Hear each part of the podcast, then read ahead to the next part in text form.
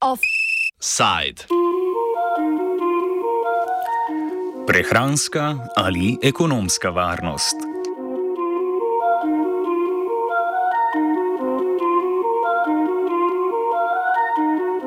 Vesel dan republike, tovarišice in tovariši. Neslavno oznanjamo, da je prejšnji teden Evropski parlament zavrnil uredbo za trajnostno uporabo pesticidov. Proti uredbi je glasovalo 299 poslancev, za 207, 121 poslancev pa se je glasovanje vzdržalo. Čeprav so bili evropski poslanci zelenih vse čas strogi zagovorniki uredbe za zmanjšanje uporabe sintetičnih pesticidov v Uniji, je na koncu večina njihovih poslancev glasovala proti. Glavni nasprotniki uredbe so bili v parlamentu člani Evropske ljudske stranke, izven njega pa lobisti industrije pesticidov.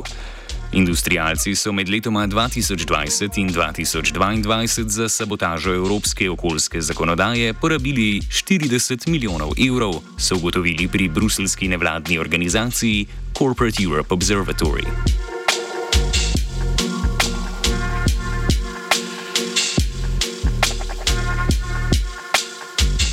Zmanjševanje uporabe pesticidov je Evropska komisija predlagala v sklopu Evropskega zelenega dogovora leta 2020.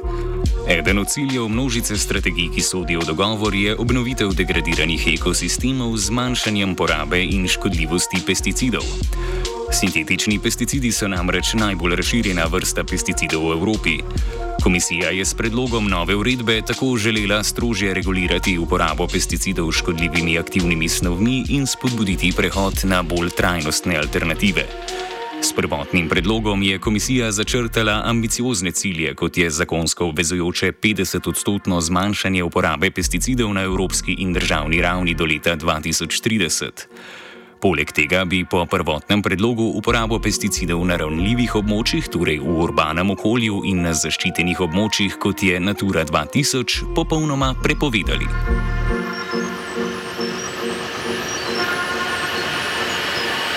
V končnem predlogu uredbe, o katerem so glasovali pretekli teden, so cilji in smernice zvodenili. Ukrepi po predlogu, ki so ga europoslanci zavrnili, ne bi bili zakonsko obvezujoči. Za zmanjšanje uporabe pesticidov bi se zanašali predvsem na ozaveščanje in svetovanje. Med prvotnim predlogom Evropske komisije in končno različico, v kateri so glasovali, so torej velike razlike. Komisija je svoj predlog objavila julija lani, skoraj takoj pa je naletel na odpor desnih strank v Evropskem parlamentu, predvsem Evropske ljudske stranke in gospodarstva. Politične poskuse obstrukcije uredbe povzame Nina Holland, raziskovalka in okoljska aktivistka pri Corporate Europe Observatory, organizaciji za nadzor nad lobiji. Leta, zdaj, uh, gre za več stvari. Ena je predlog Evropske komisije, ki je povsem nespremljiv, ki ima na mizi prepoved, absolutno prepoved uporabe pesticidov na gozdu.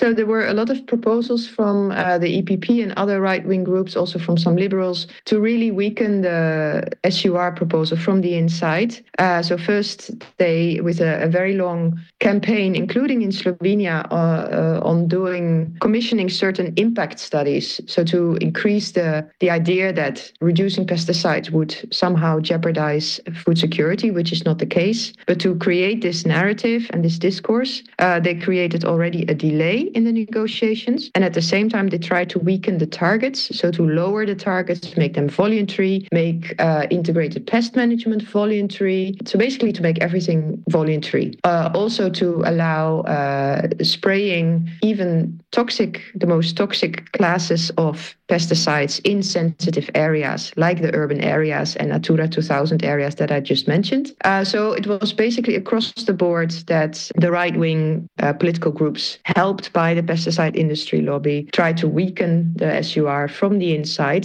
so that in the end uh, it would be a proposal that would hardly have any teeth. Holland meni, da že prvotni predlog uredbe ni bil popoln. Predvsem to velja za področje merjenja uporabe pesticidov, za kar je komisija predlagala uvedbo posebnega indikatorja. The, the commission had actually already made one big mistake themselves, and that was to, to include an indicator for pesticide reduction in the proposal because somehow you have to measure that countries are actually reducing pesticides. Uh, that was completely flawed. So uh, it was uh, beyond any doubt demonstrated that this was the wrong indicator. Uh, it was it was corrected by the Green rapporteur Sarah Wiener. Uh, however, the Parliament did not want to accept uh, a proper functional uh, indicator for pesticide reduction. So already that would have made it more difficult to implement uh, the law if you don't have an, a proper indicator to measure whether you are making progress or not. Boj proti trajnostni uporabi pesticidov se ni začel z aktualnim predlogom, temveč leta 2019, ko so v Evropski ljudski stranki dosegli izključitev bioloških pesticidov iz dovoljenih načinov uporabe kmetijskih subvencij Evropske unije. Holland pojasni, kaj so storili konzervativni poslanci.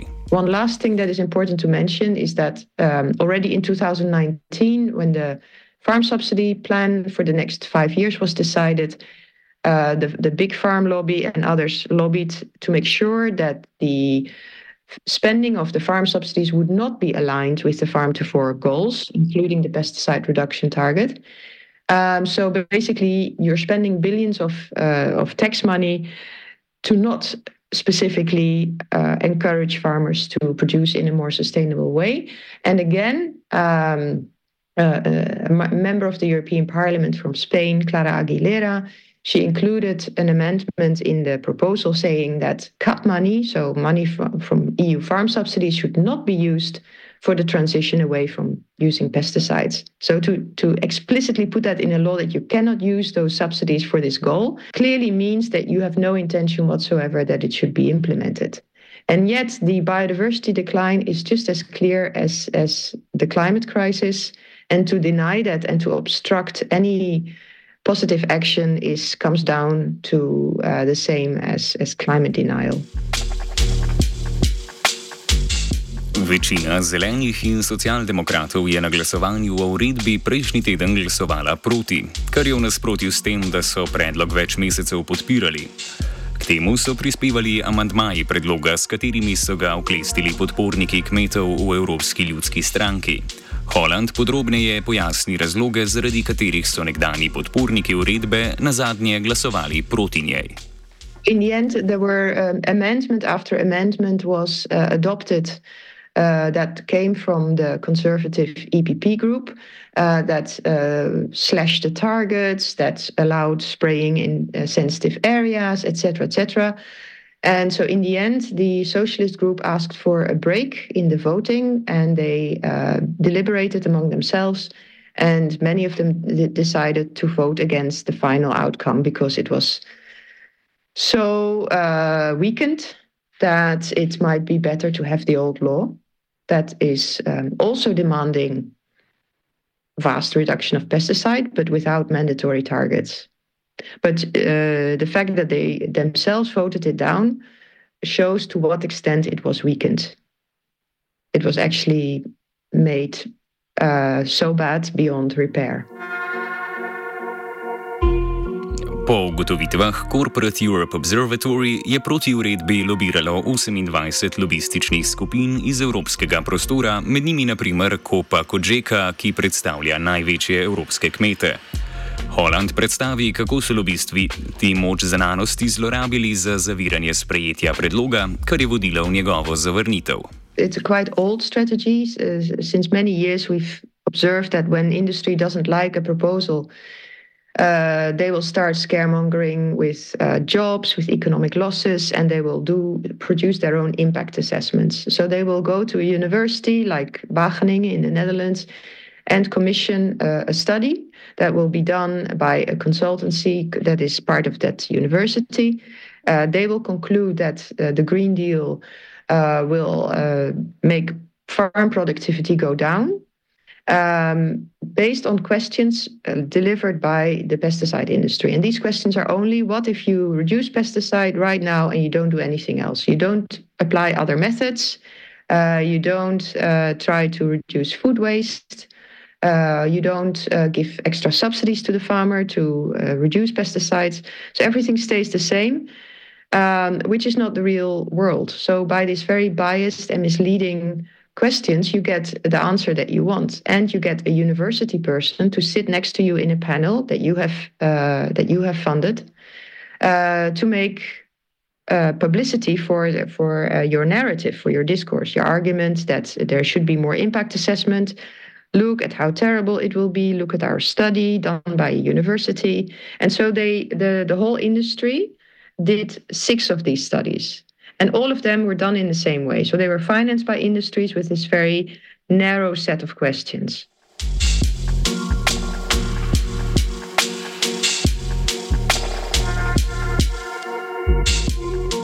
Kdo so bili največji nasprotniki uredbe v evropskem farmacevtskem prostoru? So, of course, it's the, the four big producers of uh, GMOs and pesticides. That's Bayer, BASF, Corteva, formerly Dow DuPont, and uh, Syngenta.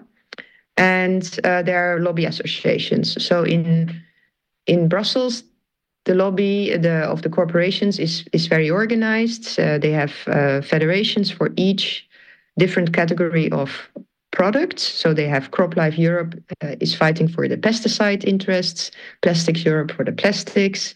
Um, you have uh, they finance think tanks such as Farm Europe.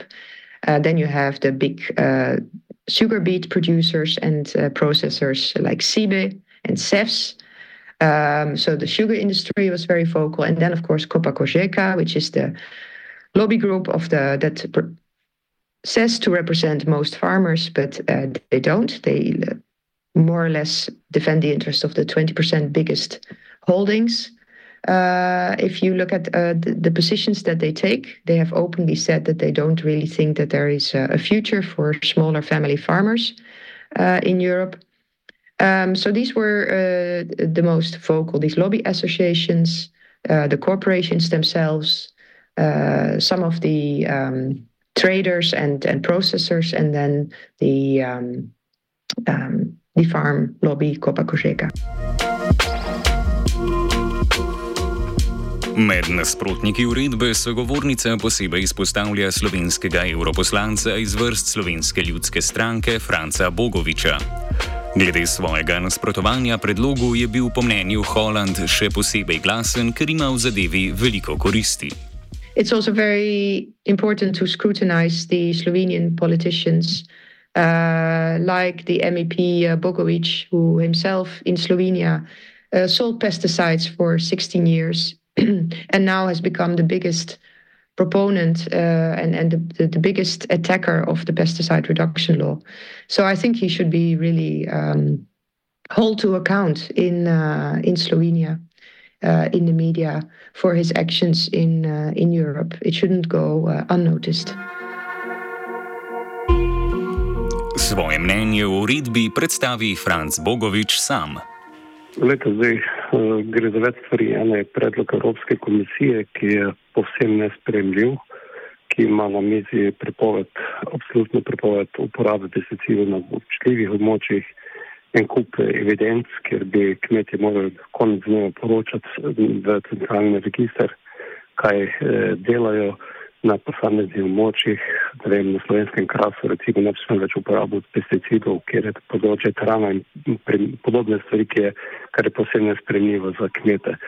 Mi smo prejšnji teden v odboru oziroma na plenarnem zasedanju v Evropskem parlamentu vložili eh, celo vrsto amandmajev, ki so dobili podporo in sam in celotna Evropska ljudska stranka nismo glasovali za poročilo okolja za, eh, za odbora za okolje skupaj s temi sprejetimi amadmaji, ki so postavili predlog nazaj v takšno obliko, da bi bil spremljiv za kmete. Sprejeto je bilo to, da bi bila ciljna letnica za leto 2035, ne 2030, eh, zmanjšanje 50% ostaja za Evropsko unijo, posamezne države, ki imajo danes nižjo nižjo porabo, bi lahko dele niže cilje in to smo v ljudski stranki podprli. Prav tako je bil sprejet amadma, da se ukinijo te evidence in tudi, da ni teh strogih omejitev na občutljivih območjah določenih v Bruslju, ampak da to spremijo države članice same.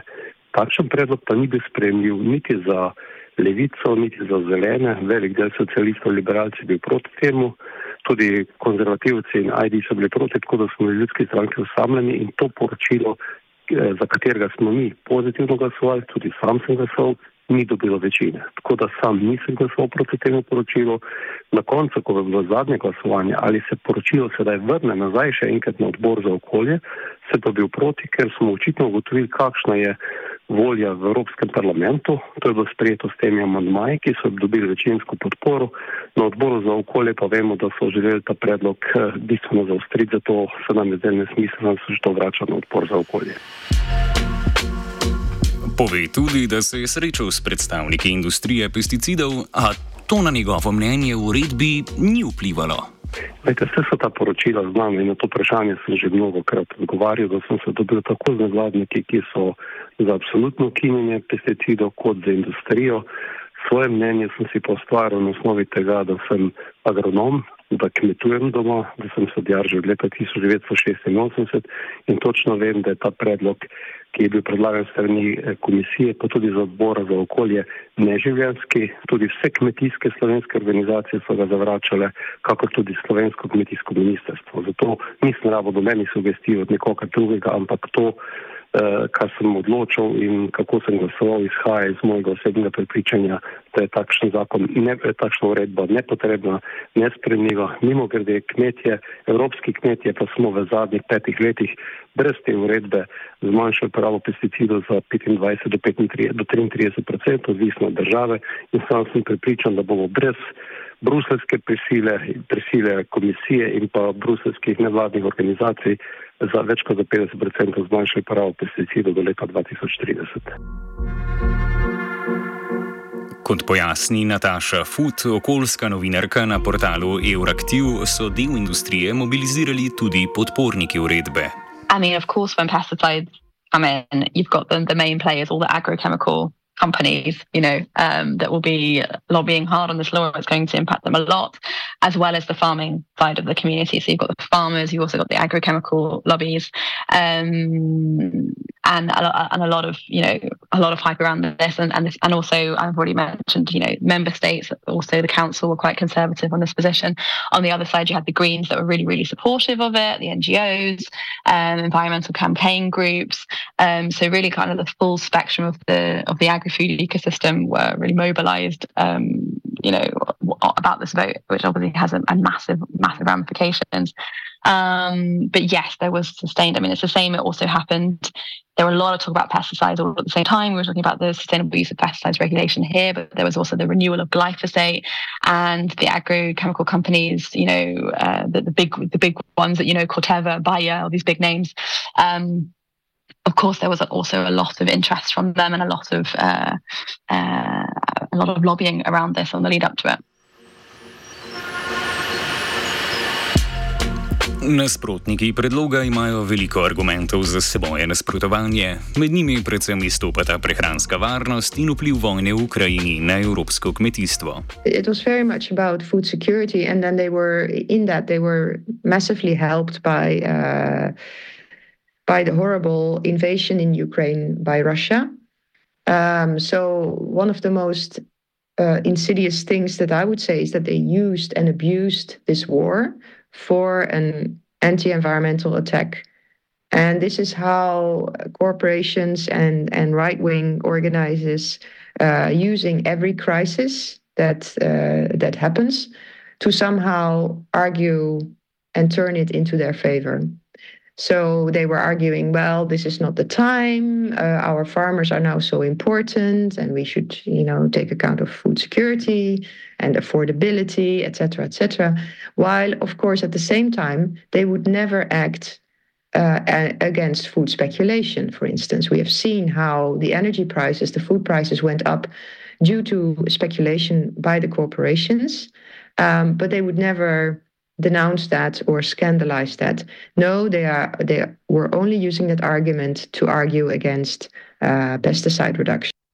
Uh, another really um, scandalous argument was, uh, or it, it, was very subtle, but uh, since they don't yet dominate the market for biological solutions, by biopesticides, uh, that is still very much in the hands of the small and medium sized companies, they were actually downplaying the effectiveness of these. Uh, so, in, so while on the one hand they were boasting how many millions they invested in these uh, lower toxic solutions, on the other hand, in lobby documents that we found, they were arguing that uh, they would only be part of the mix, that actually there were doubts about their effectiveness, etc. So we would always need these synthetic, very toxic, toxic uh, pesticides.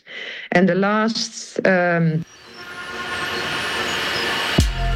Holland izpostavlja tudi medijsko kampanjo proti uredbi. Meni, da so z netransparentno sponzoriranimi objavami evropski mediji pri zavrnitvi predloga igrali precejšno vlogo. Well, in the, at the EU level, uh, you have uh, several outlets that are corporate sponsored, like uh, Politico and uh, Euractiv. So they will actually organize the debates, and it will uh, say sponsored by Bayer. Uh, but this is so normal in Brussels that everybody consists, uh, well, not everybody, but many people consider that as a, a normal state of affairs. so in October 21, um, organized two or three debates uh, in the same week, and there was another event as well uh, on these so-called impact studies. So they made a whole thing out of that.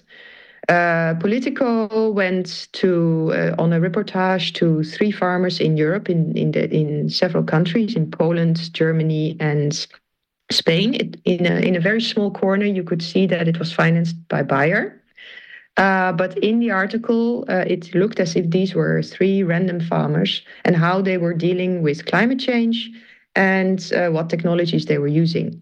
But if you Google the names of these three farms and farmers, they were all part of the Bayer Forward Farming Network, which is a network of a few dozen farms sort of adopted by Bayer to promote their technological solutions. And that was not said in the article. So that is clearly uh, misleading and uh, misleading content produced on behalf of a pesticide corporation.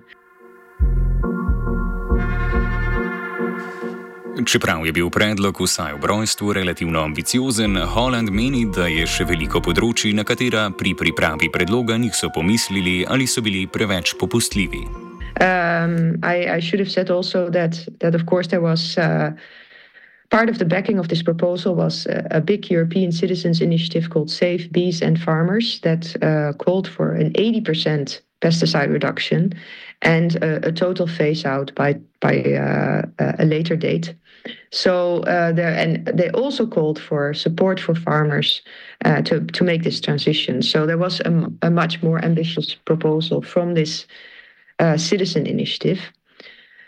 Um, action can be taken in, in many other ways. Uh, we also need to really fix the way that pesticides are approved in Europe. That's another piece of legislation, which currently is way too friendly to industry. So that means the way that uh, pesticides get approved, in the way that glyphosate has recently been reapproved again for 10 years, uh, which is very damaging for both health and the environment. Um, also, there are many EU countries that keep giving uh, exceptions, derogations for the use of pesticides that are already banned because they are so toxic. Uh, and Pesticide Action Network has uh, made a court case against this, and now the European Court has ruled as, that this is no longer allowed. So countries are not no longer allowed to, to keep giving these exceptions. So um, action can be taken in many different ways. And of course, the most promising is if, if, if, citizen groups start working with farmers instead of accusing farmers of using pesticides, which they're often forced into doing uh, economically. Uh, then uh, to, to actually work with farmers to reduce pesticides, to buy more organic, etc. I think that is one of the most promising ways to, to reduce pesticides. Klara Buržo, organizatorka kampanj na Friends of the Earth Europe, zve, Zvezi okoljskih organizacij Evrope, se strinja, da bi bil lahko predlog še veliko bolj ambiciozen. I mean, the, the proposal was ambitious as it's for the first time um, included binding targets.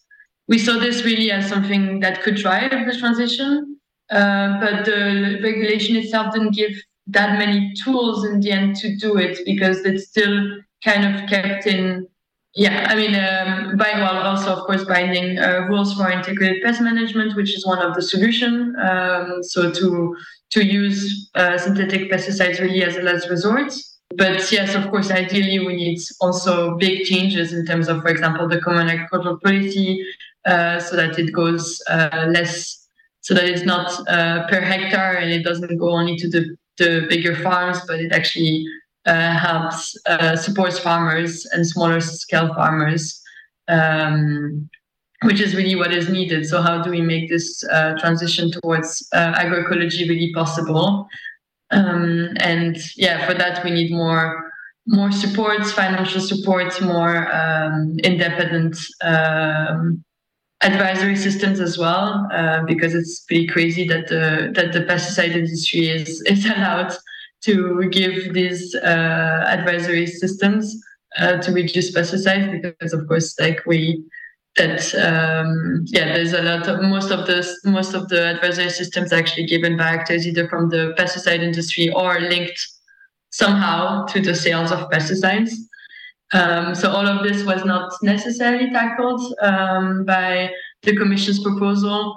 Uh, there was also, as I mentioned before, which is a bit more technical, but the but the indicator that was proposed by the Commission was also uh, quite misleading, uh, or very misleading actually but um, yeah, so there's a lot of challenges that would have still need, needed to be tackled. But what we saw as with this regulation is really like the fact that it had these binding targets could have been a first step to really drive this transition.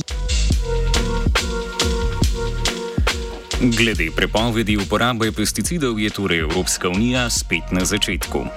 V imenu prehranske varnosti se uklepamo sintetičnih pesticidov, a kot pričajo že mnogi od poklici živil zaradi prepovedanih pesticidov v zadnjih mesecih, tudi v Sloveniji, je v njihovi uporabi hrana k večjemu manj varna.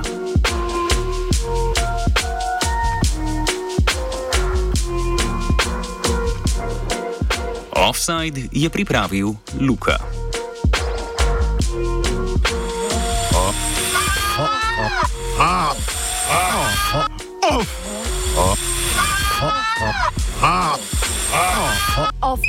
Side.